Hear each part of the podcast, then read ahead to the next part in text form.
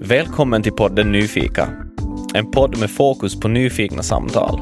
Vi tror på vikten av öppna samtal där man konfronteras med olika åsikter och synsätt.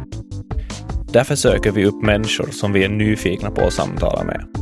Vi har ingen agenda utöver att möta de här olika människorna och se vart samtalen för oss. Vill du som lyssnare engagera dig i samtalen? Varannan onsdag, då inga nya avsnitt sänds, har vi Zoom-samtal där du kan diskutera tillsammans med oss i teamet och andra lyssnare och i mån av möjlighet den senaste gästen. Information om detta hittar ni på vårt Instagram eller Facebook-sida.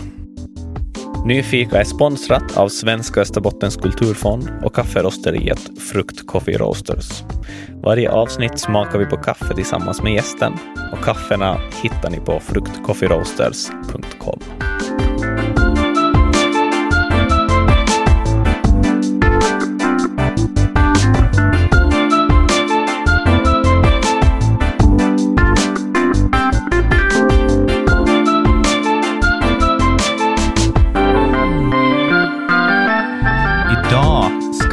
träffa Mästerkocken och Robinson-vinnaren Micke Björklund. Välkommen till Nyfika. Hörru du, god morgon, god morgon får jag säga. Det är ju tidigt på morgonen här också. Men eh, tack, det här ska bli riktigt skoj. Ja, vi sitter ju i eh, restaurang Heim i Vasa. Och, eh, så vi kommer ha lite restaurangbrus i bakgrunden. Så det kommer inte att vara riktigt lika tyst miljö som vanligt. Men eh, Det händer i bakgrunden. ja, Det ska lagas lunch. Och, Det är ju så. om man, om man träffar en busy man som du så, så blir det väl så. Ja, emellanåt kan det bli lite sådär att man, man, man gör flera saker eh, samtidigt. Ja, exakt. Du, vi ska börja med kaffe. Ja, intressant. Det här är ett eh, kenyanskt kaffe Mm. som beskrivs eh, som eh, rödvinbär, rabarber och vanilj.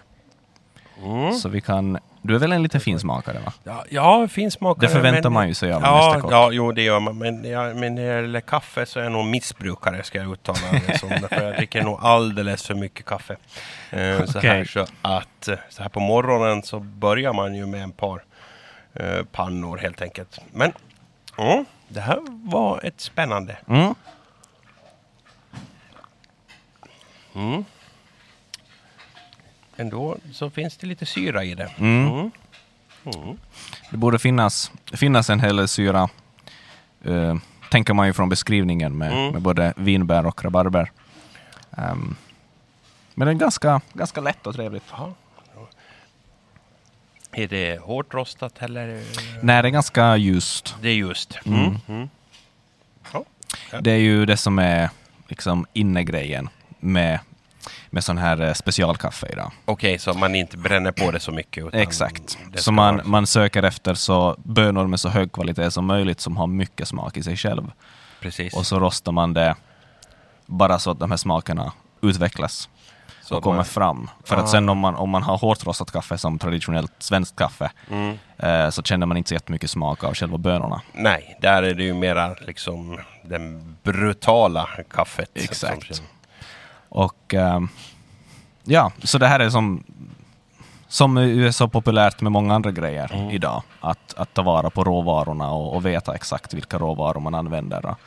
Så det är ju också väldigt, har väldigt hög ehm, spårning ner till, till vilka farmare som har, har producerat det här kaffet och hur det har blivit behandlat efteråt och allting. Så det är väldigt, väldigt genomskinlig business. Mm. Det är väldigt kul. Det är fint också. Den vägen går. Jag har ju en liten så här kaffe eh, egentligen då. När man bor på Åland så har vi ju en hel del från fastlandet som Mm. kommer och, och en hel del från Sverige som kommer. Och man ska nog tänka vad man bjuder på för kaffe då. Därför det här är ju bryggkaffe då som vi brukar köra. Och, och om eh, en finsk grupp får eh, svenskt, eh, nej men, ja, om en eh, finsk grupp får svenskt bryggkaffe så undrar de verkligen hur länge det här stått på. Alltså, det här är ju för starkt liksom. Det här är ju ingenting. Ja, Och tvärtom, om det kommer en svensk grupp och dricker eh, finsk kaffe så säger de, men vad, nu, nu har du nog fått lite för mycket vatten. Det här är ju som Exakt. te. Och det här är exakt. ganska intressant att det ändå bor så nära och just Mm. med det här med kaffe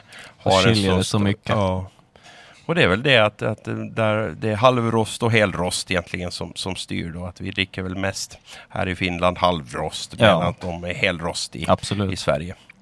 Och det är väl den största mängden då. Men, men för mig så är nog kaffe varit eh, från barndomen så har kaffet blivit den stora grejen och det var när man vaknade upp hos farmor och farfar. Så de hade kokkaffe. Ja. Och de hade en sån där panna som alltid liksom, jag, jag undrar om de tvättade den ens, utan det var liksom. Och så kokades det upp och så i med kaffet där och så fick det sjunka ner då och sen när man drack det där kokkaffe så ja, det var ett fantastiskt kaffe. Och jag vet inte vad det gjorde för att atmosfären gjorde det Nej. eller om det var liksom den här känslan och, och, Mm. och smaken.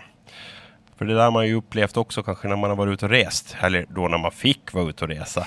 Så har man suttit i en fin badstrand och, och så har man druckit ett gott eh, mousserande, lite bubbel där och oj, allt var det så perfekt. Och, oj, vad gott bubbel. Det här var nog fantastiskt. Att, Det här måste jag köpa hem. Och så köper man hem en, en, en sex, sju flaskor och, och får hem det där. Och så sitter man där när, när snön yr och, och det är lite ruggigt och kallt och, och man har eld i öppna spisen och så tänker man oj, nu ska jag dricka det här goda bubblet. Och då är det nog helt annorlunda Mm. än, än vad man upplever sig. Så jag tror att vi människor också är mycket med känsla, var Mm, vi är och, och upplevelse. Ja, definitivt.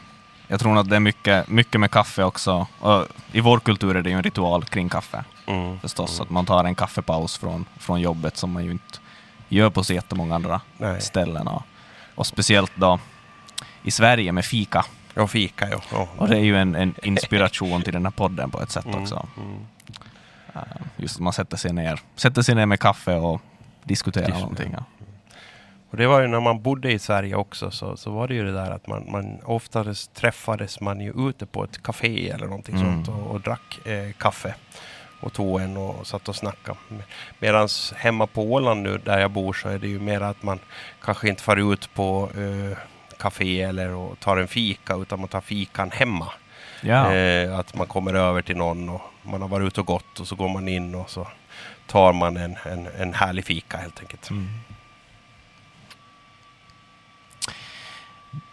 Du har ju vunnit Årets kock både i Finland och i Sverige. Du har varit med och tävlat i världsmästerskap. Du driver mer restauranger än vad jag nu kan komma ihåg tillsammans med din fru. Du är ju väldigt framgångsrik. Och så har du då vunnit Robinson i fjol. Ja, Det är ju en imponerande meritlista. Eh, Ja, det, det, det, det, där man har fått göra allt. Och där är väl lite att man har väl en släng, eller det är väl fel att säga att man, men, eh, att man har en släng av ADHD, men, men eh, jag är nog lite överag överenergisk. Jag har, Mm. tycker om att ha mycket att göra. Och sen ska man ju komma ihåg också, all, alla de här grejerna så har jag inte gjort ensam. Jag har haft ett Nej. bra team bakom, jag har haft bra familj och jag har haft bra kompisar och arbetskollegor och, och den biten som också Mm. gör att man klarar av det här. Själv skulle man inte ha klarat av det. Nej. Ehm, vilket av det här känns eh, som din största bedrift?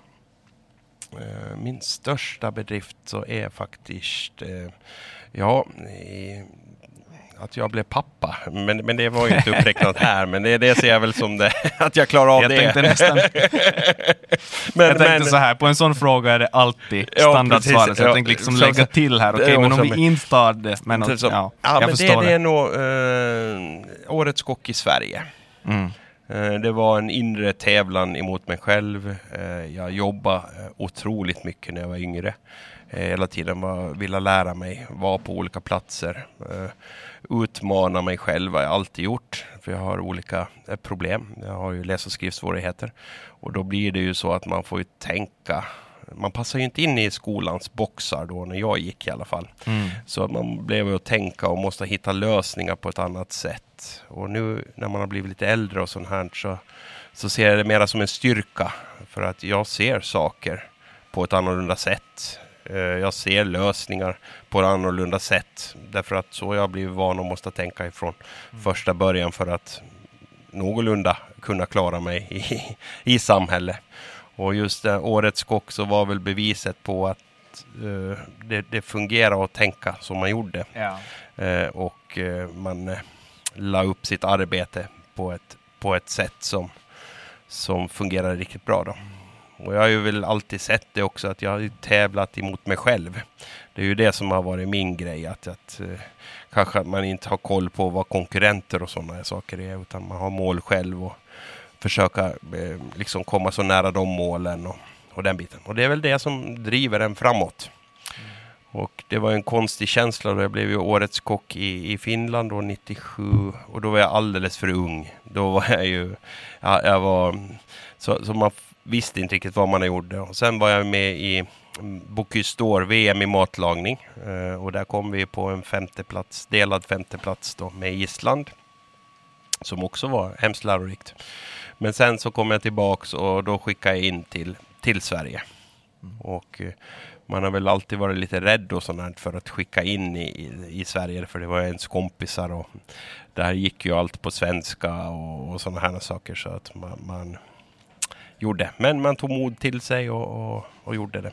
Men sam, samtidigt så var man ju inte ensam där heller. Man hade ju kompisar och sånt mm. som hjälpte och sådana som tränade och, och där var ju också mysfaktor därför att vi hade ju så att vi, vi tog ju så på söndagarna, oftast då var restaurangen stängd, så samlade man ihop ett gäng. Och, och eh, så var man och provåt och, och testade. Så att då hade man, och det blev också trevligt på något sätt. Det blev sån här konstig söndagsgrej. Att man samlades ja. på restaurangen och den var stängd och, och sen så fick man utlåtande och kompisar och sånt. Att vad man borde tänka på att, att mm. få det, det ultimata eh, matlagningen liksom när det gäller tävling. Mm. Nu tycker jag när eh, kaffe har svalnat lite att mm. det smakar som rabarberpaj. Mm. Ja, det, det, mm, det, jag kanske är lite förstörd sådär men, men, men mm, det, är ett, det är ett litet eh, annorlunda kaffe om man säger så. Mm. Och här är det ju som lite med, med kaffe, jag kanske är lite mera sådär att, att eh, för mig så ska kaffe kanske vara lite sådär stått en halvtimme och lite eh, bort, att det ska vara lite brutalt liksom. då, då är, är, kroppen nöjd sådär. Så här att dricka fin kaffe så här är ju också mysigt men, men kroppen är lite, du, tänker du vad, sa, vad är det här nu? Säger ja, just. Mm. Du, jag kollade in um um, information om olika föreläsningar som du brukar hålla mm. på er, er hemsida. Um, det som jag kanske förväntar mig att hitta var, var ju någonting på Robinson-tema. Um, och, och, och, där har du en föreläsning som jag gärna kommer in på, men jag började egentligen med den andra, för den var mera... Det hade jag inte förväntat mig att hitta på samma mm. sätt om, eh, eh, om att kunna stanna upp och veta, känna efter hur man mår. Och ni skrev att det, din ögonöppnare med det här kom när din pappa tog livet av sig. Absolut. Vill du berätta om det här? Ja, absolut, uh, ska vi kunna göra det. Och det, det, det, ska man berätta. Man ska inte tiga om sånt här. Jag tycker att det är viktigt att man tar upp sådana här saker mm. Eh, och pratar om det. För det är mycket mer vanligare än vad man kan tro. Och eh, förr när allt var som vanligt så inte pratade jag heller om det här eller visste någonting om det eller hörde någon som pratade om det. Nej. Och, eh, så att när jag var med om det så blev det ju som en kalldusch eh, för mig. När det gick snabbt. Psykisk ohälsa kan gå snabbt. Det visste jag inte. Så det gick ja. bara på en par månader.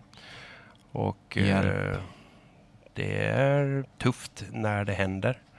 Och man får beskedet och, och, den biten. Så att för mig så ras allt. Ja. Hur gammal var du då? Eh, nu var det väl fem år sedan. Det skedde. Okay. Eller nu är det sex år sedan. Ja. Som det, det är nytt år eh, sex år sedan. Eh, jag minns det nu. Jag stod och stekte köttbullar helt enkelt den dagen det hände. Stod och jobbade som vanligt tidigt på morgonen. Tycker om att vara uppe tidigt.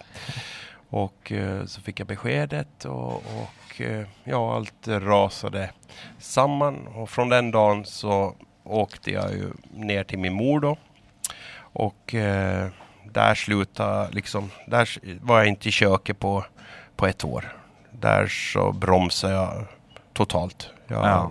eh, då fokuserade på att, att vi skulle som familj klara av det här och eh, kunna smälta ner det, liksom att, att ta det. Och eh, jag behövde nog den här pausen för att jag behövde sörja helt enkelt på det sättet. Och försöka förstå vad det är som, som hände. Mm. Eh, när man eh, blir så här. Först blir man ju ganska arg på sig att man inte har förstått vad som hände, att jag inte har sett det här. Och, mm. och ju mer jag fick kunskap och hjälp i den här frågan så förstår jag också att det är, en, det är en mycket större fråga. Liksom. Det här är ju någonting som man behöver liksom, sätta sig in på och liksom, få, få reda på det. Och då bestämde jag att det här är ingenting som jag ska liksom, hålla för mig själv eller den biten utan det här är någonting som jag ska prata om. Och det är ju så att jag, jag kommer ju, jag tycker att eh, jag kommer ju aldrig att, hur ska man säga, komma bort ifrån. Det kommer alltid finnas med mig. Men jag måste också lära mig leva med den här saken och, och gå vidare och, mm. och få min eh, omgivning också att eh, kunna leva med mig då efter en sån här eh, depression. Och det var väl så att den här grejen så var väl också att det var ju faktiskt en eh, tvärbroms för mig. Och nu i efterhand när det har gått några år så kan man ju säga att det var nog otroligt bra för mig också att få den här bromsen. För jag var nog på väg eh, i helt fel eh, riktning. Eh, det var, på vilket sätt? Med jobbet. Eh, jag jobbade konstant. Mm. Hela tiden. Och fast jag var hemma så jobbade jag drömmen också. Och då är det inte det är inte hälsosamt. Nej, det är inte hälsosamt. Och jag ser väl det också, att det som hände min far så räddade väl mig. Eh, mm. i, i, om man ser det på det sättet. För det tvingar dig att stanna upp och eh, ja, efter? Ja, det var ja. då faktiskt, då hände den brutalaste brutalaste. Det skulle inte ha gått om, om min fru skulle ha sagt att nu måste du börja ta det lugnt eller min mamma skulle ha gjort det här. Mm. Utan det här var den brutalaste nedbromsningen som jag slipper, eller hoppas att någon slipper vara med om. Men, men för mig så var det så långt gått att det behövde vara en sån här brutal inbroms. Mm. Och det här kan vi ju säga då att under den här sommaren så var det första gången som jag var hemma med mina barn eh, som hade sommarlov på alla år eh, som de har varit små. Och det förklarar ju en grej som var. Och eh, jag fick bra hjälp eh, ifrån sjukhuset och många som, som hjälpte till då att, att försöka komma upp på rätt bana. Eh, det kändes då till att börja med att jag aldrig ska laga mat mera. Men sakta så, så började man prata om det här och, och man gick vidare i, i diskussionen och, och fick lära sig också vad som är viktigt egentligen.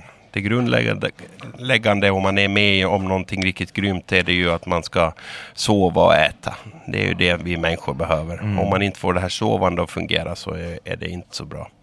Så att jag fokuserar mycket på sovande och eh, mycket på, på ätande.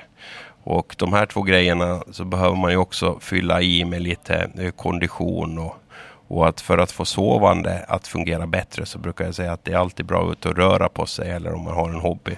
För mig så var det att jag flyttade på varenda en sten vi hade hemma på gården i stort sett. jag gick och plockade sten och sen högg skog. Och det gjorde ju också att man var rätt trött på kvällar och, och den biten så att mm. då somnade man och hade en bra eh, sov. Så att när man har kommit över liksom den här värsta smällen, att få det att fungera så, så får man också komma och prata med, med proffs som, som, som mm. kan vägleda.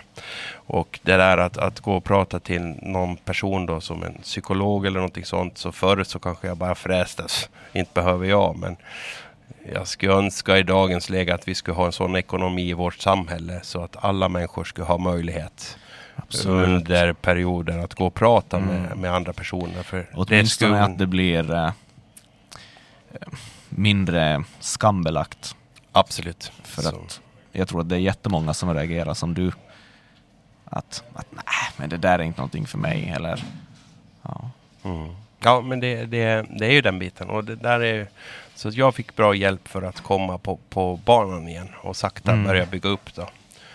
Och sedan så började suget komma tillbaks till det här med matlagning och restaurang. Och då började jag, började jag ju liksom bara vara korta stunder i, i restaurangen. Och, och eh, kände för och började sakta komma in då som, som det var. Och det var väl också att det blev på något sätt roligare att laga mat när man har en annan tanke att det är inte det viktigaste och det är inte absolut eh, nödvändigaste att jag ska vara. Och sen började vi jobba också med att jag skulle kunna säga nej. Problemet för mig är väl det att, att jag, har ju, jag tycker att det är jättesvårt att säga nej. Utan jag hittar alltid tio lösningar eh, innan Exakt. och försökt liksom. Nu ska vi kunna på något sätt trycka in. Nu ska vi eh, liksom mm. den biten. Men, men eh, där har jag också lärt mig att jag behöver inte vara på jobb varje kväll. Och eh, jag behöver inte liksom eh, göra att om jag är så att jag är så trött och inte känner att det fungerar så, så ska jag kunna säga nej också. Att säga att ja, men mm. nej, vi, vi, någon annan får, får göra det. Den mm. biten också. Och det var också ett bearbetning för att uh, kunna göra det helt enkelt. Mm. Mm. Då någonting sånt där händer kan ju en, eh, en vanlig reaktion vara att man gräver ner sig i någonting så att man kanske stänger, stänger igen och gräver ner sig i sitt jobb och bara fokuserar på det. Uh, men det är ju intressant att för dig blev det, gick det åt andra hållet.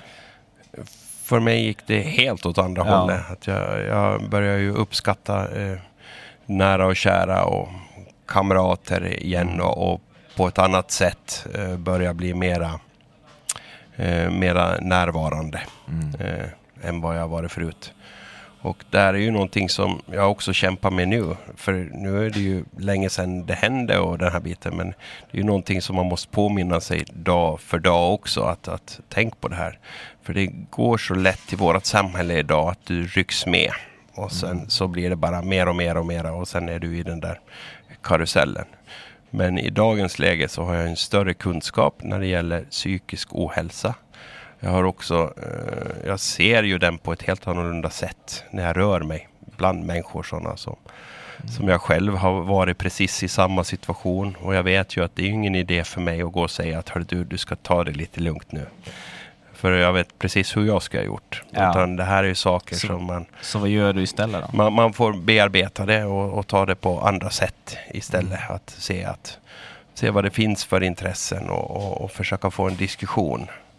Och mm. Diskussioner och sånt som när man ser sådana människor. Så nu är det ju inte alla man kan göra. Men just att ta en fika att man går bort så är ju en, en bra grej att diskutera. Eller som när man kunde gå ut på nattklubb eller på en pub och, och mm. sitta. Så att man, kollegor och sånt som, som har det här så, så går man till en annan miljö och börjar prata. För jag tror att, eller jag vet att det är så att uh, när man jobbar och sånt här så är man fokus på de som riktigt lägger in sin själ i det man gör.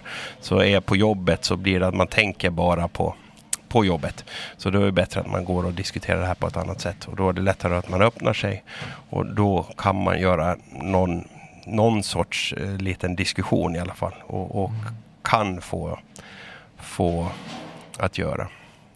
Och där ser jag ju också när man har levt med det här så, så ser jag ju också att Eh, med, med maten. Och här ser jag ju att vi har ju yngre och yngre människor som, som mår sämre och sämre ska jag säga. Vi, det, det, det, det är väl mycket saker som är där att man ska inte få vara barn och, och det ska, man ska bli vuxen snabbt och, och den här biten. Själv så byggde jag ju lego tills jag var 15 år och skulle säkert ha byggt mycket längre också om jag skulle ha varit. Men det är, ju, det är ju den biten som jag tycker är charmigt. Att, att eh, låta, liksom, när man är barn så ska man få vara barn. Man behöver inte mm. bli vuxen, man behöver inte göra allt perfekt.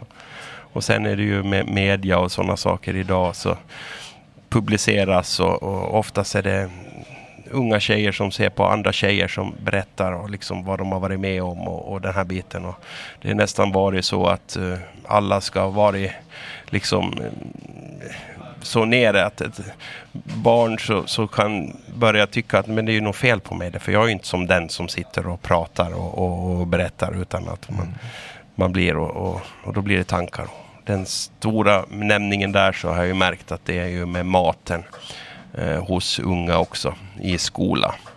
För i dagens läge så, så är det så att föräldrar och sånt så har inte tid att vara hemma och på morgnarna och den biten utan du får lära dig snabbt. Och om du börjar slarva med frukosten där så jag kan ju bara märka liksom, mina egna barn och sånt att när de inte äter på morgonen och får i sig maten så blir det alltid lite, det kan bli lite tjafs med lärare och de tycker att det var en jobbig dag och det kan Mm. vara några kompisar som, som är jobbiga och, och den biten och det är ju inte alltid bara, eh, bara andras fel att det blir så. Utan själv är det ju också så att när du är hungrig så kan jag gå tillbaks till det jag har varit med om. Ja. Att, att då blir du lite stingslig. Och jag har ju en fru som, om inte hon får mat ser du, så, så när vi träffades så, så kunde man inte säga åt varandra, liksom prata med varandra på en timme förrän hon hade fått komma in i modet och det här. Så att jag ser att det är inte bara hon som är så, att det, det är många som har det här humöret. Och eh, då är det viktigt att de får mat, därför då kommer det gå så mycket bättre för dem hela dagen också. Då kan ju lärarna vara favoritläraren, den bästa läraren. Och det har inte bara att läraren är, utan det är hur du själv mår och är mätt och belåten. Liksom. Att märka den effekten måste ju ha varit extremt mycket tydligare under Robinson. Ja, där var ju absolut, där märkte man nog och där fick jag det bekräftat också. Ja. Att eh, jag inte tänkt helt tokigt utan där såg man ju människor som blev till och med riktigt, riktigt elaka när de inte fick mat. Hur fina människor som helst. Eh, men sen så kom det här med, med utan mat och mm, då blev de som förbytta. Du hade ju en extremt bra taktik med att eh, ta på dig rollen att eh, laga mat åt allihopa. Se till att de har mat. Eh, absolut, eh, det var ju en... en Var det ett taktik- taktiskt beslut Ja, att, att göra dig liksom, att, att de är beroende av dig? Ja, nej, in, inte så, men vi hade ju det. Så jag ser, okej, vad har jag för styrka här? När jag såg, jag var absolut den tyngsta av alla deltagare. Eh, jag var nog den som inte höll på med någon extra träning eller gick på gym två gånger per dag och den här biten. Så jag började titta runt mig och, och var bland de äldsta också. Att, hmm, vad är min superpower här liksom? Att det här kommer ju att gå åt skogen. Men eh, då tänkte jag att ja, mat, det kan jag ju laga. så att, så att jag, jag, jag började laga maten och till en början med så tyckte jag att det var jätteskojigt också för jag fick ju lära mig. Det var ju mat som jag aldrig har jobbat med förut som, som jag fick börja jobba med. Men sen ju längre tiden gick så märkte jag ju att, att man var ju, man blev ju liksom som i köket så blev det lite hjärtat och när det är så dåligt med mat så blir det ju liksom när man får ihop någonting av det lilla vi hade så gjorde det ju då att att fler och fler tydde sig till köket. Mm. Och eh, ja, på, på det sättet ska man nog säga att eh, det var nog en, en rätt bra taktik då nu i slutändan när man vet. Absolut. Eh, och, och, Det och ju veta- sig faktiskt så att jag såg på hela Robinson. Okej. Jag brukar annars typ inte se på TV alls mera. Nej. Men av någon orsak så, så kom eh, jag och Maria överens om att vi skulle titta på Robinson. Eh, och första avsnittet så var jag sådär, vänta nu. Han ser bekant ut, är han från Åland? Vad är det här? Så, så sen kom vi på, eller så, så var jag sådär, jag läste ju för någon vecka sedan att, att Micke Björklund skulle vara med. Så Ja. då blev det ju mycket, mycket roligare att titta på. Ja, det, det, det var den biten och, och det var ju det som var roligt också att det var många som följde med det ta, tack vare att man var med. Och Ja. då fick man ju höra då när det sändes och ja, vi, vi, vi tittar i alla fall så länge du är med.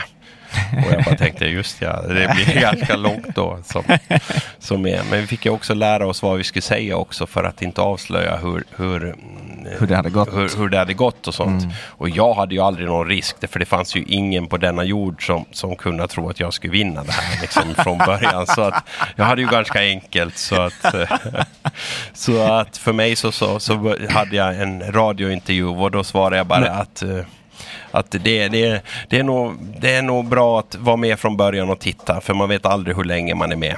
Och just Nej. de där orden så gjorde så att, jo men han sa ju att han skulle inte vara med, men jag ljög Ah, ju inte. nej. Utan eh, det är nog bra att titta från början så att, får man ju säga. Men blev det inte svårare att, att, att hålla sig från att säga någonting om, om folk eh, har en uppfattning om att du ju inte kommer vinna? Att du liksom vill bevisa dem fel? Nej, det, det var nog en, en, en bit och alla blev nog, jag fick nog så här att ja, det här trodde vi aldrig. Vi mm. trodde nog att det här var kvällens program du skulle åka. Så att man, man, man hängde med i, i det här programmet. Och, och just det här med Robinson så är det ju så att det är så mycket på sidan om också som händer. Det är olika eh, som man kan eh, skriva och berätta och tidningarna följer upp och sådana saker. Så där var det ju, jag var ju aldrig liksom i i, toppsnacket. Utan för mig så var det ju bara att ja, men han, han, han är bara tyst. Han går bara mm. runt där. Att, att vad det är. Och det är, väl, det är väl sin sak också. Men det har ju också mycket med, med mentaliteten. Jag har ju lite kanske den här finska, finlandssvenska mentaliteten. Att man är lite lugnare och inte behöver vara med. Medans eh, att göra såpor och sånt så skulle jag säga att Sverige är nog det absolut bästa landet att göra det.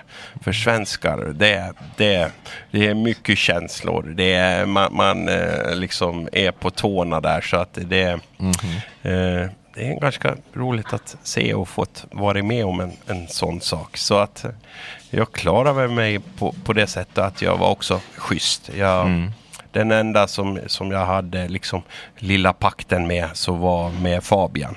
Ja. Så, så att vi höll ihop egentligen från första dag. Eh, och eh, höll ihop med, med ja, vår lilla överenskommelse då. Så att vi, vi skulle kämpa. Och eh, det är ju också när man... Jag är väl så också jag tror gott om alla människor jag träffar. Eh, jag, jag, det är väl också en, kanske en sårbarhet man har. Att det finns ju också möjlighet att kunna bli lurad när man har den. Och, och mm. Biten. Men, men just med Fabian så, så hade jag ju också att vi är jättebra kompisar idag. Vi hörs ju inte så mycket för han bor ju i Sverige och jag här. Men vi får ju höras någon gång över, över telefon i alla fall och, och lite mm. den biten. Men att uh, han visar ju också att han hade han, uh, att jag, jag litar på rätt person helt enkelt. Hur mycket kontakt har du med, med andra deltagare? Uh, jag skulle väl säga att jag har en sporadisk kontakt. Jag följer dem och det har blivit också lite sämre tack vare det här med eh, Corona. Att det är på svenska sidan och, jag är på finska sidan. Men vi försöker hålla lite kontakt. Jag ser vad de gör. Eh, man ser också att många börjar komma tillbaks till vardagen. Eh, man, man, jobbar med sina jobb och sånt. Mm. Och sen, sen har vi haft otaliga träffar som vi skulle ha haft då. Men det har bara blivit framskjutet. Så vi hoppas ju Nej, verkligen att, att vi ska snart få träffas och ha riktigt, riktigt skoj. Och jag har ju mm. lovat också. Eh, när jag vann eh, så här att det skulle bli en riktigt stor fest. Och det var ju så att jag lovade ju inte här liksom då när jag vann. Utan det här lovade vi innan vi gick ut och skulle börja tävla mot varandra. Att den som vinner det här så ska ha bjuda på en värsta, värsta fest. Och jag bara ja, jo, det ska det vara. Drev på det här. Inte hade jag ju heller tankarna på Alla att... Alla kommer till Åland, till smakbyn. Jag bjuder. ja, precis. Det hade inte jag tankarna. Jag tänkte ju att det här skulle ju liksom gå. Men, men det blev ju... Eh, ja, det gick ju lite tokigt där. så att, eh, ja, som, som är. Men, men det har också gjort att, att själva Robinson som var ju också att jag lärde mig fruktansvärt mycket mm. eh, om mig själv. Jag lärde mig också och eh, fick bekräftat också mycket tankar och sånt som jag haft när man lever i en sån där miljö. Men det var aldrig så att man kände sig osäker på något sätt. Och nu, ju längre tiden går så blir det också att man kanske glömmer bort det jobbiga utan man ser bara det positiva. Och jag tycker att det var ett ganska enkelt liv att leva på det sättet. För det var saker du inte behövde eh, fundera på. Utan det du funderade på ön så var att du skulle komma upp på morgonen och då vaknade en halvtimme av fåglarna började kvittra. Så då, då började man röra på sig. Sen blev det ljust och då kunde man börja göra någonting. Och sen var det ju att, att laga mat eh, som var min stora grej och eh, hämta ved. Och sen var det tävlingar. Så det var det som var eh, liksom Robinson, att det var vardagen. Så att vi hade ju inte den här titta på tv, vad hände i världen? För man, man är helt, eh, liksom, man vet ingenting vad som händer. Och då kan man ju tänka att ja men tänk om något skulle hända med din familj eller någonting sånt. Men då är det ju så att om det ska hända något riktigt drastiskt så vet man att de hör av sig. Absolut. Så, så att eh, man, känner sig trygg på den biten. Och sen hade jag också, när vi, vi var ju 17 000 som sökte till Robinson. Och de plockade ut 23 stycken What? så att eh, Hjälp! Ja, barnen hade nog rätt att pappa har något problem alltså. Att komma med där. Så att någonting av alla. Och då är det ju så att det är ju ett ganska långt arbete.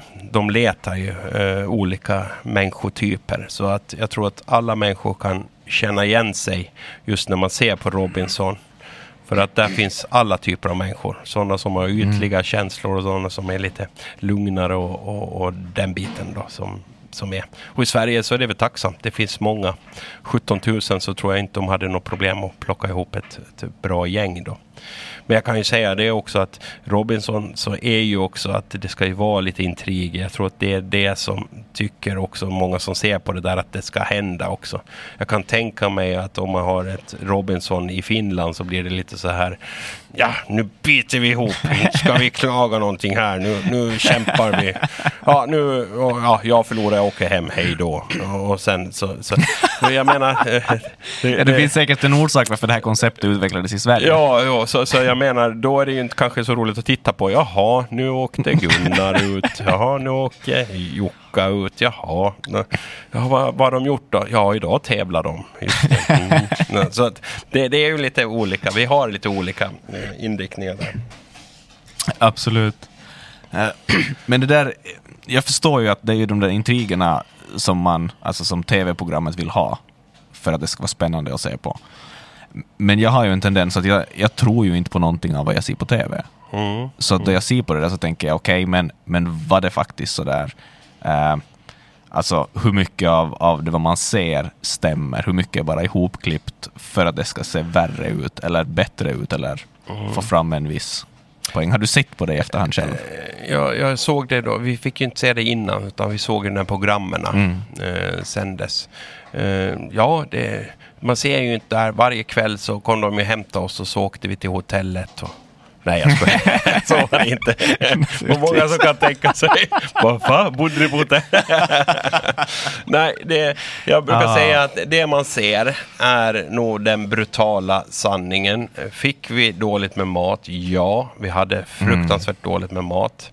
Eh, planterade de ut mat åt oss? Eh, ja, det gjorde de. Därför att när man spelar in Robinson, om man skulle bo på en ö i Fidji som vi, som vi gör då, som är ganska, så plockar de ju bort all mat i det område vi är. Därför annars så skulle vi hitta, eh, liksom, vi hittar ju bananträd och vi hittar ju allting liksom. Och, och då, då skulle det inte ha varit någon riktig match. Så att de plockar bort allting. Och sen vet de Oj. exakt hur mycket de planterar ut. Så att eh, kassava grävde de ner kassavan. Så Eh, den kassava som ni hittar och äter så är dit satt? är dit satt ju, som är nedgrävd. Som, eh, som Ah. vi, vi plockar och, och den biten. Därför att då får de ju det de vill eh, med ett sånt här program. Så är ju att eh, det enda som inte var dit plockat var kokosnötter. Nej, just det. Det, det, det fanns obegränsat med kokosnötter men, men all annat Men så... där måste ni ändå kämpa för att få upp dem. Ja, ja, ja usch, det, det var ju också. Det fick jag ju lära mig också. Men, men det som gjorde ju också då så är ju att, att vi, vi hade ju den här maten och, och då kommer ju faktiskt att det är ju som vi pratade om lite innan också med, med känslor och, och vad som är viktigt för oss människor. Och maten är ju otroligt viktigt för oss. För det sätter sig på humöret. Och det är ju det som gjorde det där programmet också. Att snälla människor som, som man inte märkte någonting av när de var mätta och belåtna. Men sen eh, när det är så, så kommer kanske det, det riktiga jaget fram med en viss för lite mat till då som spär på det. Så det gör ju att det, det ställer ju till det eh, ganska mycket liksom. Eh, så att det blir ju bra tv. Men det är ju så också att det är ju fruktansvärt lite mat man får. Man svälter ju eh, så sett. Men eh, vi hade ju också, det är ju så att de låter ju ingen dö i, i svält där utan vi, vi hade ju varje dag så hade vi undersökning av läkare som kollar hjärtljud och, och sådana saker. Varje dag? Eh, varje dag så kollar de Ah. oss. Att, att vi inte var på fel. Och jag tror att det var väl runt tre fyra personer som fick eh, ersättning. Liksom dropp. Därför att då börjar, när man lever i det här så, så börjar vissa organ börja stänga ner när det är riktigt illa.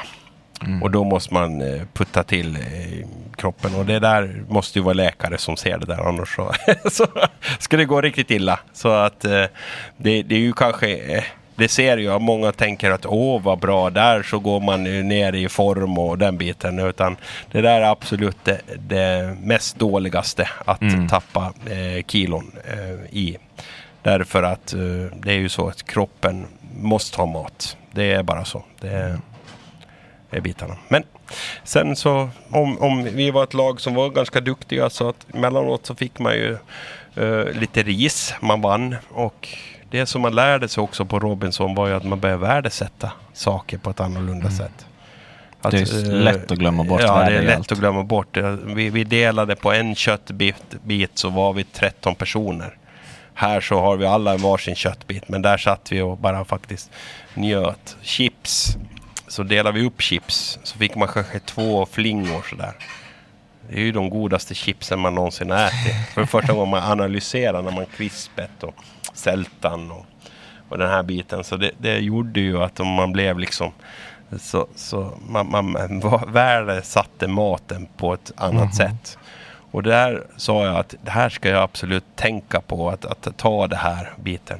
Men jag märker också att det är otroligt svårt. Man kommer in i det här, eh, liksom här finns allt i överflöd. Eh, egentligen, Men det är samma sak som vi var inne på tidigare med, med miljön och settingen, var man äter någonting eller dricker någonting. Mm. Det måste, spelar ju jätte, jättestor roll. Och sen så är det ju så att vi lagar ju mat över öppen eld. Vi har inga tändstickor. Eh, om det regnar så, så blir ju veden blöt. Eh, så att eh, det är skönt också att komma tillbaks till på något sätt tillbaks till, till, till början när vi människor började. Och, och, och se kunskapen. Och där märkte jag ju också att vi håller ju på att tappa den kunskapen. Det, det var ju få som hade använt tändstål. Eh, Ja, jag. och sådana saker som, som är då. Och eh, bitarna.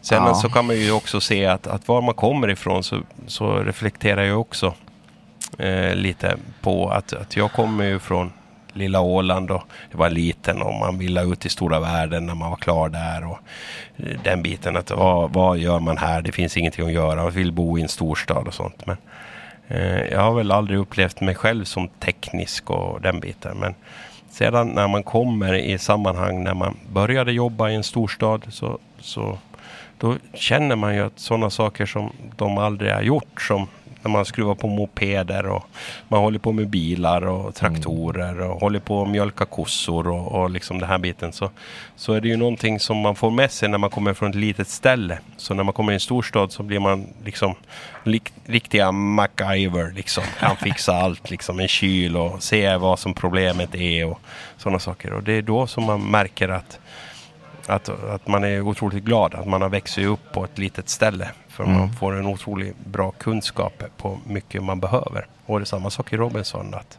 där fick jag också en, en bra kunskap. Och där ser, ser jag väl också att vi hade ju en kille som som, eh, som, som jag höll mig mycket till. Han hade otrolig kunskap. Han var en riktig Robinson, eh, om jag säger så. Han, han, han kunde, han visste hur man var i naturen. Han levde upp i naturen. Och jag har ju en, en fördel också att jag kanske inte är så duktig på att ta in information när jag läser och när jag ser, men, men eller liksom när jag läser, men när jag ser någonting så, så är det också så att jag, jag, jag behöver se det en gång så, så brukar det sitta. Så att det hade jag också kunskap så att jag såg när han gjorde och sen kunde jag liksom eh, liknande som han, inte lika snabbt men, men det, det tar ju en stund innan man kommer upp det. Och det eh, var också spännande där. Du hade ju nytta i slutändan av att det var du som hade lagat så mycket mat. För att du var mycket snabbare än alla andra på att laga upp eld i den där sista tävlingen om jag minns rätt. Det stämmer ja. Och det var väl den enda tävlingsgrenen som jag kände att jag hade någon sorts kontroll. Men eh, det är ju också... Förutom då tidigare när du tappade tänderna i Ja, jo, grisen. grisen. grisen ja. Det var bara så matrelaterat. Ja. Då, då var ju också en konstig känsla. Och, och just då Anders tittade. Va? Tappade du tänderna? Och jag, "Mm, Ja, oh, det gjorde jag. så, att det, så de är i Fidji någonstans, de tänderna eh, där. Så att, eh, men det var det värt. Jag vann ju den tävlingen. vann ju att, den. ja. Och där fick Ganska jag ju, överlägset också. Ja, jo, den hade jag ju. Så att där hade vi faktiskt, eh, ja det var riktigt bra. Så fick jag ju ringa, ringa hem också. Eller, eller jag fick ett samtal då. Jag och Fabian, vi hade en sån här härlig frukost på stranden. Det var bara synd att det var så mycket mat och så mycket syra och sånt. Så att, och så mycket som hände den dagen så att för mig så, så kom allt upp igen. Och det är första gången som man känner, vet du, när man har Åh, ätit nej. någonting och bara känner nej. Åh, man, man nej. håller emot så mycket man bara kan. Nej, det får inte, det får inte. Och, och sen är så att man, man, det blir lite annorlunda sådär. Men, eh, ja. Ja, men det är, det är lärorikt. Mm. Du har ju efteråt då ehm, föreläst om, om vikten att vara snäll. Absolut. Ja. Ehm, och då jag såg på Robinson var det ju ganska tydligt att du kom så långt för att du var så snäll och alla tyckte om dig. Uh, åtminstone delvis. Mm. Och jag skulle vara lite intresserad av att bolla de här dina tankar kring det. För att för mig, då jag hör ordet snäll, så är det egentligen inte en jättepositiv eller jätteeftersträvansvärd egenskap. Jag tycker att eh, bättre då att försöka leva kärleksfullt mot människor, försöka vara respektfull. Och det är inte alltid samma sak som att vara snäll. För Om, att om det inte är det. jag tänker om, om, om jag efter, strävar efter att vara snäll mot Mm. alla människor, då hamnar jag just in i en sån där eh, situation som du beskrev, att det är jättesvårt att säga nej, för att man bara vill vara till lags. Och man bara tänker att nu får man till det på något sätt så att jag kan säga ja och vi fixar det där. Eh, så att man lite låter sig själv bli överkörd. Och det är ju inte alltid det bästa gentemot människor som är kring, runt en. För att om jag låter dem köra över mig så kan jag ju bli bitter mot dem. Och, och det är inte alltid schysst, eller det är inte alltid respektfullt. Ja, så kan man ju se på det också. Eh, absolut, men som jag upplever så, så är det ju så att vi, vi föds ju som snälla. Eh, som när, när du föds och, och den biten. Då är det ju en, en snällhet du har och det, det är ju den, det är ju den grejen som, som vi har ifrån början. Och sen är det ju tyvärr i dagens samhälle så är det ju mycket som påverkar oss under resan. Att hur, hur många smällar man går på och vad som är, hur många gånger man blir liksom besviken och sånt. Och då, då blir det ju, föds det ju en, en bitterhet och att man, man, man blir liksom ledsen och man måste skydda på sig. Så att jag ser ju att, att tror, det är ju få människor som, som kanske har kvar den här snällheten ifrån när, när du föds. Utan det har ju med, med hur, hur du växer upp egentligen. Att du har haft en, en, en, en bra stadig grej bredvid eh, som har stöttat och du har fått möjligheten. Men det var ju som vi pratade om innan också att du är precis sårbar också när, när, du, när du är så här. Därför Mm. att många kan ju utnyttja dig. Och det är, ju, det är ju en sak som, som man, man får liksom fundera på. Och eh, det som, som jag lite lever också efter här så är ju också att eh, jag försöker ju alltid vara snäll. Eh, och eh, ja, jag tror att jag är, är snäll så sett. Men eh, jag har ju också att, Det tror jag också. att, att jag har också så att det som, som jag gör andra människor så, så det är det som snällheten är. Att, att när jag förmedlar den snällheten så, så hoppas jag ju att, att det är en snä- snällhet som bemöts också. Men i dagens samhälle är det precis som du säger att snällhet så förknippas kanske att du är mesig. Eh, Du är en mesig eh, person. Du, du vågar inte stå upp. Du vågar inte vara kaxig. Du vågar inte ta striden. Du vågar inte liksom säga liksom vad du tycker. Nej, det, det är väl sant det också. Men, men jag, jag, jag ser inte att säga elaka saker åt andra människor så gör ju inte världen bättre. Nej, absolut inte. Den, gör ju att, jag, att jag tycker man... ju inte att, att Nej, nej, alternativet förstår, men- till att snäll skulle vara elak. Nej, nej, men, men, men jag menar det är ju, det är ju sådana saker då att, att, att om, om man, om man är snäll och sånt och bemöter den så, så är det ju så också att eh, då, då mår ju andra människor också eh, bra i, i, i sig. Mm. Och, och sen är det ju det att, att alla som är, är snälla och sånt så måste ju lära sig att, att eh, kunna liksom lita på, på den närmsta familjen och sådana som är då. Och sen Mm. så får man ju lära sig den vägen. Men, men eh, eh, jag har ju upplevt också att som snällhet inte heller som jag ser det som kan vara ett problem är ju det att eh, när du ska ta konflikter och sånt på ett jobb.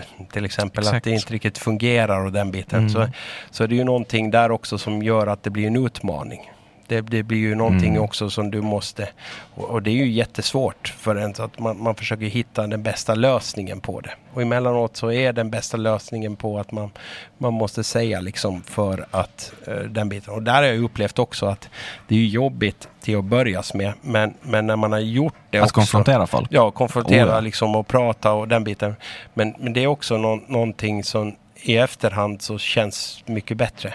Mm. Och det är ju viktigt också då att man kan säga saker men du ska ju inte ha ett ont underliggande i det. Utan när, Nej, du, när du säger så, Mm. så blir det ju ändå Alltså att jag- du håller dig på en... Ja, jag har ju behövt kämpa och lära mig också att konfrontera folk. Det har verkligen inte varit ehm, lätt för mig, eller naturligt. Eh, kanske nog naturligt, men, men eh, ja, jag har inte övat på det tidigare förrän nu senare i vuxen ålder. Ehm, och just för att jag har varit ganska mycket dominerad av en snällhet så tycker jag nu att kanske just um, kärleksfullhet är ett bättre Ett ideal. Uttryck, ja. Mm. Men, men eh, det kan ju bara bero på vad man sätter in i definitionen på orden förstås. Absolut. Ja, och det är, ju, det är ju som man brukar säga också att de... Eh, ja, det är ju så att, att man... man, man eh, ett uttryck som jag lärde mig lite i Sverige, att, att det där att snälla barn blir utan. Så, så är ju vårt samhälle idag. Eh, Att här är det ju liksom, vi uppfostrar våra barn och sånt att, att vara och visa sig framåt, ta åt dig, vara först, vara liksom den biten. Det, det är ju lite som, som vi, vi, vi kommer ju bort ifrån, det blir bara tuffare och tuffare samhälle. Och jag tror också att det här tuffare och tuffare samhälle så gör den här att vi alla människor inte mår bra. Det, att vi har Absolut. en psykisk eh, ohälsa och den här Mhm, biten. mm. Istället för att man kanske var då att jo, vänta, alla kommer att få, vänta på din tur och liksom det som, som man hade att eh, liksom gå tillbaks lite. Nu, nu ska det vara. Och, och sen är det också om, om du ser på det att inte det är ju de snällaste personerna som får, får sitta i en tv-soffa eller göra olika saker liksom och bli intervjuade och, och den biten. Utan Förutom ofta, du då? Ja, jag, jag hade tur nu som har fått vara med. Men oftast är det ju så att, att de som är lite tuffa är sådana som har sagt dumma saker och är ganska Mhm, brutala i sina uttalanden. Då blir människor nästan lite sådär wow. åh." och så ser man upp till dem. Så att, precis som att, att om du är, är snäll eller mesig eller eh, stort hjärta eller någonting sånt så är ju i dagens samhälle så, så passar du inte riktigt in som en sån person. Mm. Och eh, jag hoppas ju att eh, allt går ju i retro, brukar man säga. Att vi kommer i olika skeden. Så att någon gång så får, får vi snällisar komma i, i, i fronten. Så att vi, vi, vi, vi får se fram emot någonting. liksom, kanske någon Så- gång världen börjar se, oj här har vi en snällis. Det ska vi köra på, det ska vi pusha på. Ja. Det här Robinson eh, var kanske lite försmak på det då. ja, ja det, det, jo, det, det, den biten var det ju. Men det- Snällhetens revolution som ja, kommer. Sen så, så tycker jag ju, ja, så kan man säga. Men, men snällheten där också så var ju det att, att inte vet jag om jag var snäll i- mot alla utan jag var, jag gjorde, jag var schysst. Jag var inte elak mot någon. Nej. Nej. Och det är väl också en snällhet i sig. Och där visar sig också att det går att vinna Robinson utan att, att vara elak utan göra det snällt väg. Och eh, jag hade ju också på det sättet att mina, de jag levde med där så, så jag fick ju inte en röst på mig under hela Robinson. Så det, det, Det är nästan... måste ju vara något det typ av rekord. ja, det, det är nog... Det kan man väl nog tro. Och det är nog en fjäder i hatten åt den liksom att på något sätt att man det var ingen som såg det. Och det kan ju vara olika saker. Då kan man säga att ja, men de såg det ju inte som något hot. Nej, så kan det ju också vara. Så att det är liksom att det fungerade. Men, En sak som var intressant att se ehm, under Robinson, åtminstone vad, vad tittaren fick eh, uppfattningen av, var ju att du, du hamnade att lära dig ganska mycket att eh, ta konfrontationer och konfrontera folk. Det stämmer. Och, och det här är- var någonting som var nästan förvånande för mig i och med att du är kock. Mm. För att de, de restauranger som jag har jobbat i som, som serverare Eh, så har jag ju alltid haft kockar som har varit väldigt, väldigt raka, väldigt, alltså kockar känns ju som ett släkte som, som verkligen är, är raka med, med kommunikation och konfrontation. Och jag har haft för mig att det måste vara så för att man ska få ett kök att fungera. Så det här var som förvånande för mig på ett sätt. Mm. Det finns ju två sidor man kan absolut driva eh, på det sättet. Eh, jag har nu blivit, när jag blivit lite äldre så här, så jag jobbat inom många olika typer av kök. Och jag kom nog fram till ett kök som man har lite roligt och det är lite humor och lite glädje och lite sång i. Så laga bättre mat. Och det viktigaste i dagens läge så är det ju också att då trivs du att jobba som människa. Det är skojigt när man jobbar i restauranger som man vet aldrig om någon ska skälla ut en för att man har skalat löken på ett fel sätt eller något sånt. Så det, det, det ger inte så mycket kärlek Ja, liksom, och, och samvaro. Så att, eh, för, för min del så är, är det nog att, att bygga kök liksom med glädje. Mm. Det är nog bättre och jag, jag tror nog att det syns på maten också i slutändan. Mm. Hur var det att lära sig gå igenom den här Robinsonskolan med, med konfrontation? Eh, Robinsonskolan var jättebra. Till en början så, så har jag ju blivit under åren också ganska duktig på att hålla mig undan. Eh, att, att ta de här. Det är ju samma sak när vi har diskussioner på jobbet och sånt som måste redas upp så har jag ju försökt dra på det så länge som möjligt. Och eh, på Robinson så blev det ju ganska därför där är det mycket konfrontationer liksom hela tiden. Absolut. Så där fick jag ju leva i en miljö och jag fick ju också lära mig under den miljön. Liksom att Det fanns ju vissa som var jätteduktiga på att ta en konfrontation och man diskuterade på ett bra sätt. Det lärde jag mig, men jag fick också se motsatsen, hur man inte ska göra, som bara skapar ännu mera vrede och, och ilska och ledsamhet. Det är ju ett jätteintressant social ex, socialt experiment att kolla på. Ja, ja det I just för den här aspekten. För att det kommer ju fram hur människor är. Liksom, det kommer ju fram en karikatyr av människorna på något sätt. absolut. Uh, Och det, det är ju så att där den... Det var faktiskt, jag blev... Det var en gång som jag liksom konfronterade liksom.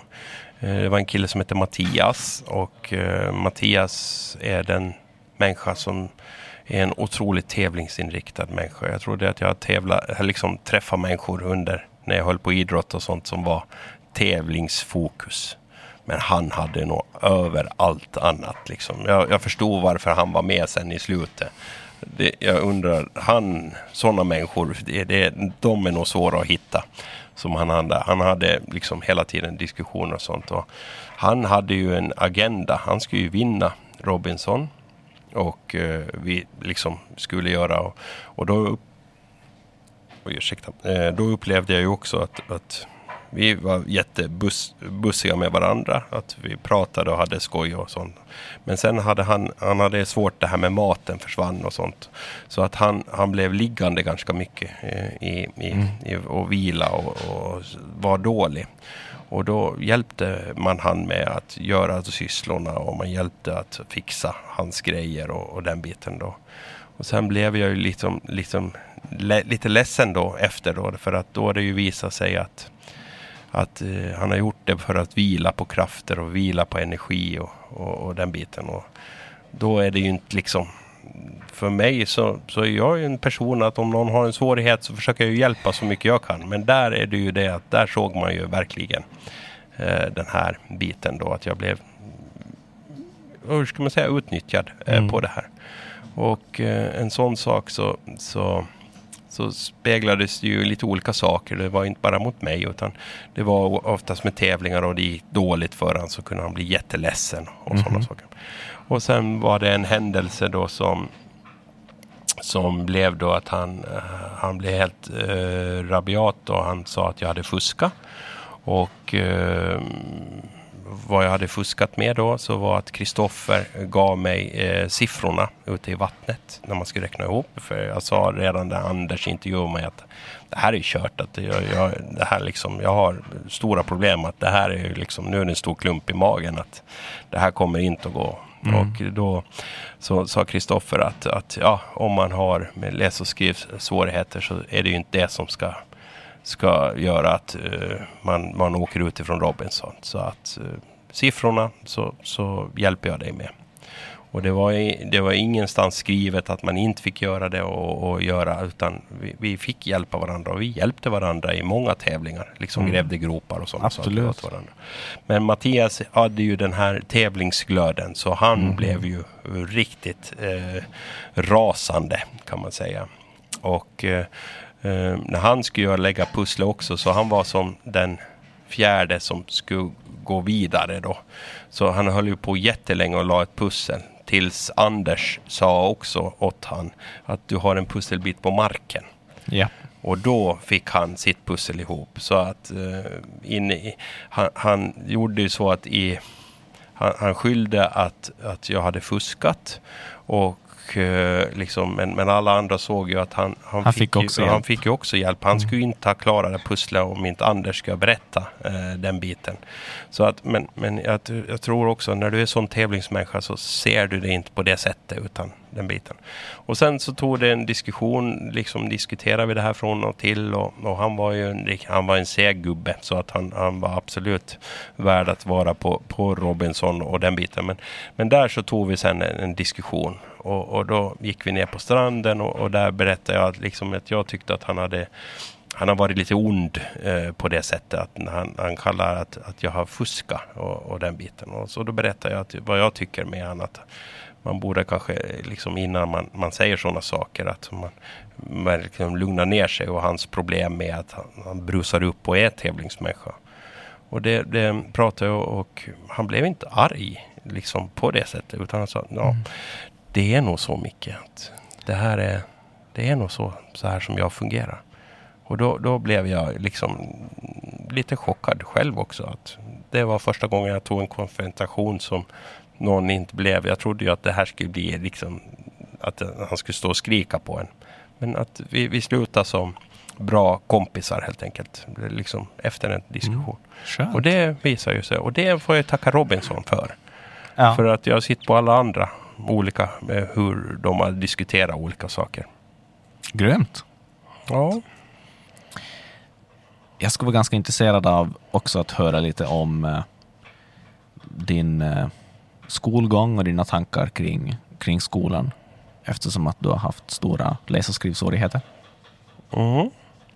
Ja, det, det har jag. Men jag, nu, nu för tiden så ser jag väl det mera som att eh, under skoltiden så, så har jag väl blivit mera en styrka det här med, med att, att ha de här problemen. För att man, man måste tänka på ett annorlunda sätt eh, när man har de här problemen och hitta lösningar.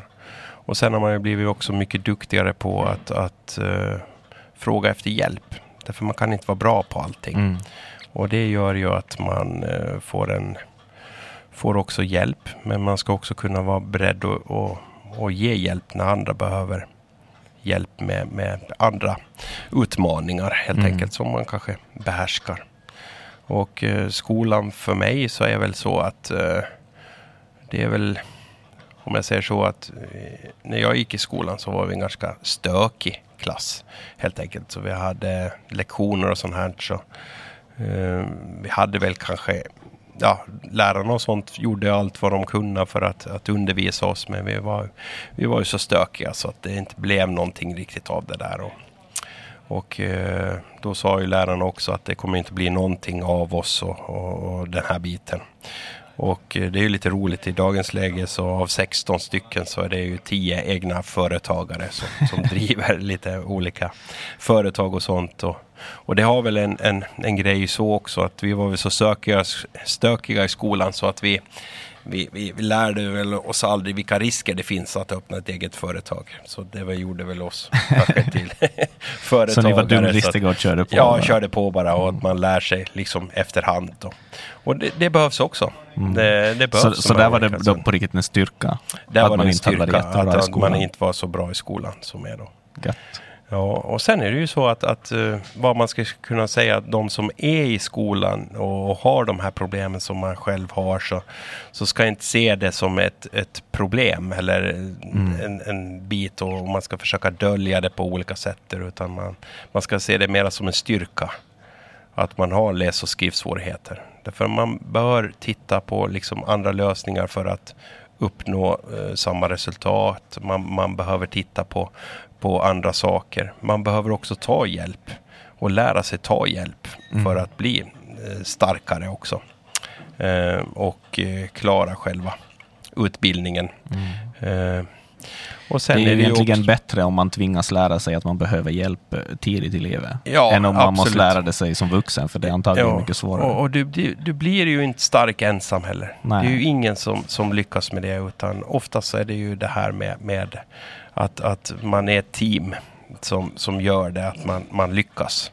Och där mm. som, som ung också så tycker jag att man, man, det viktigaste är att man, man inser att man har det och att man måste mm, göra andra saker för att, att uh, kompensera egentligen och ta emot hjälpen. Att man sätter sig in i en tuffhetslinje och man är tuff och kaxig och den, den coolaste och sånt. Utan man, man ska nog ta det som det är och vara snäll. Mm. Och, och, och uh, hjälpa andra och ta emot hjälp. Det är, om man, precis som du sa, att man ska lära sig det från början så, så blir det mycket lättare i, mm. i framtiden också. Tack, det var bra tips. Ja, tack, tack.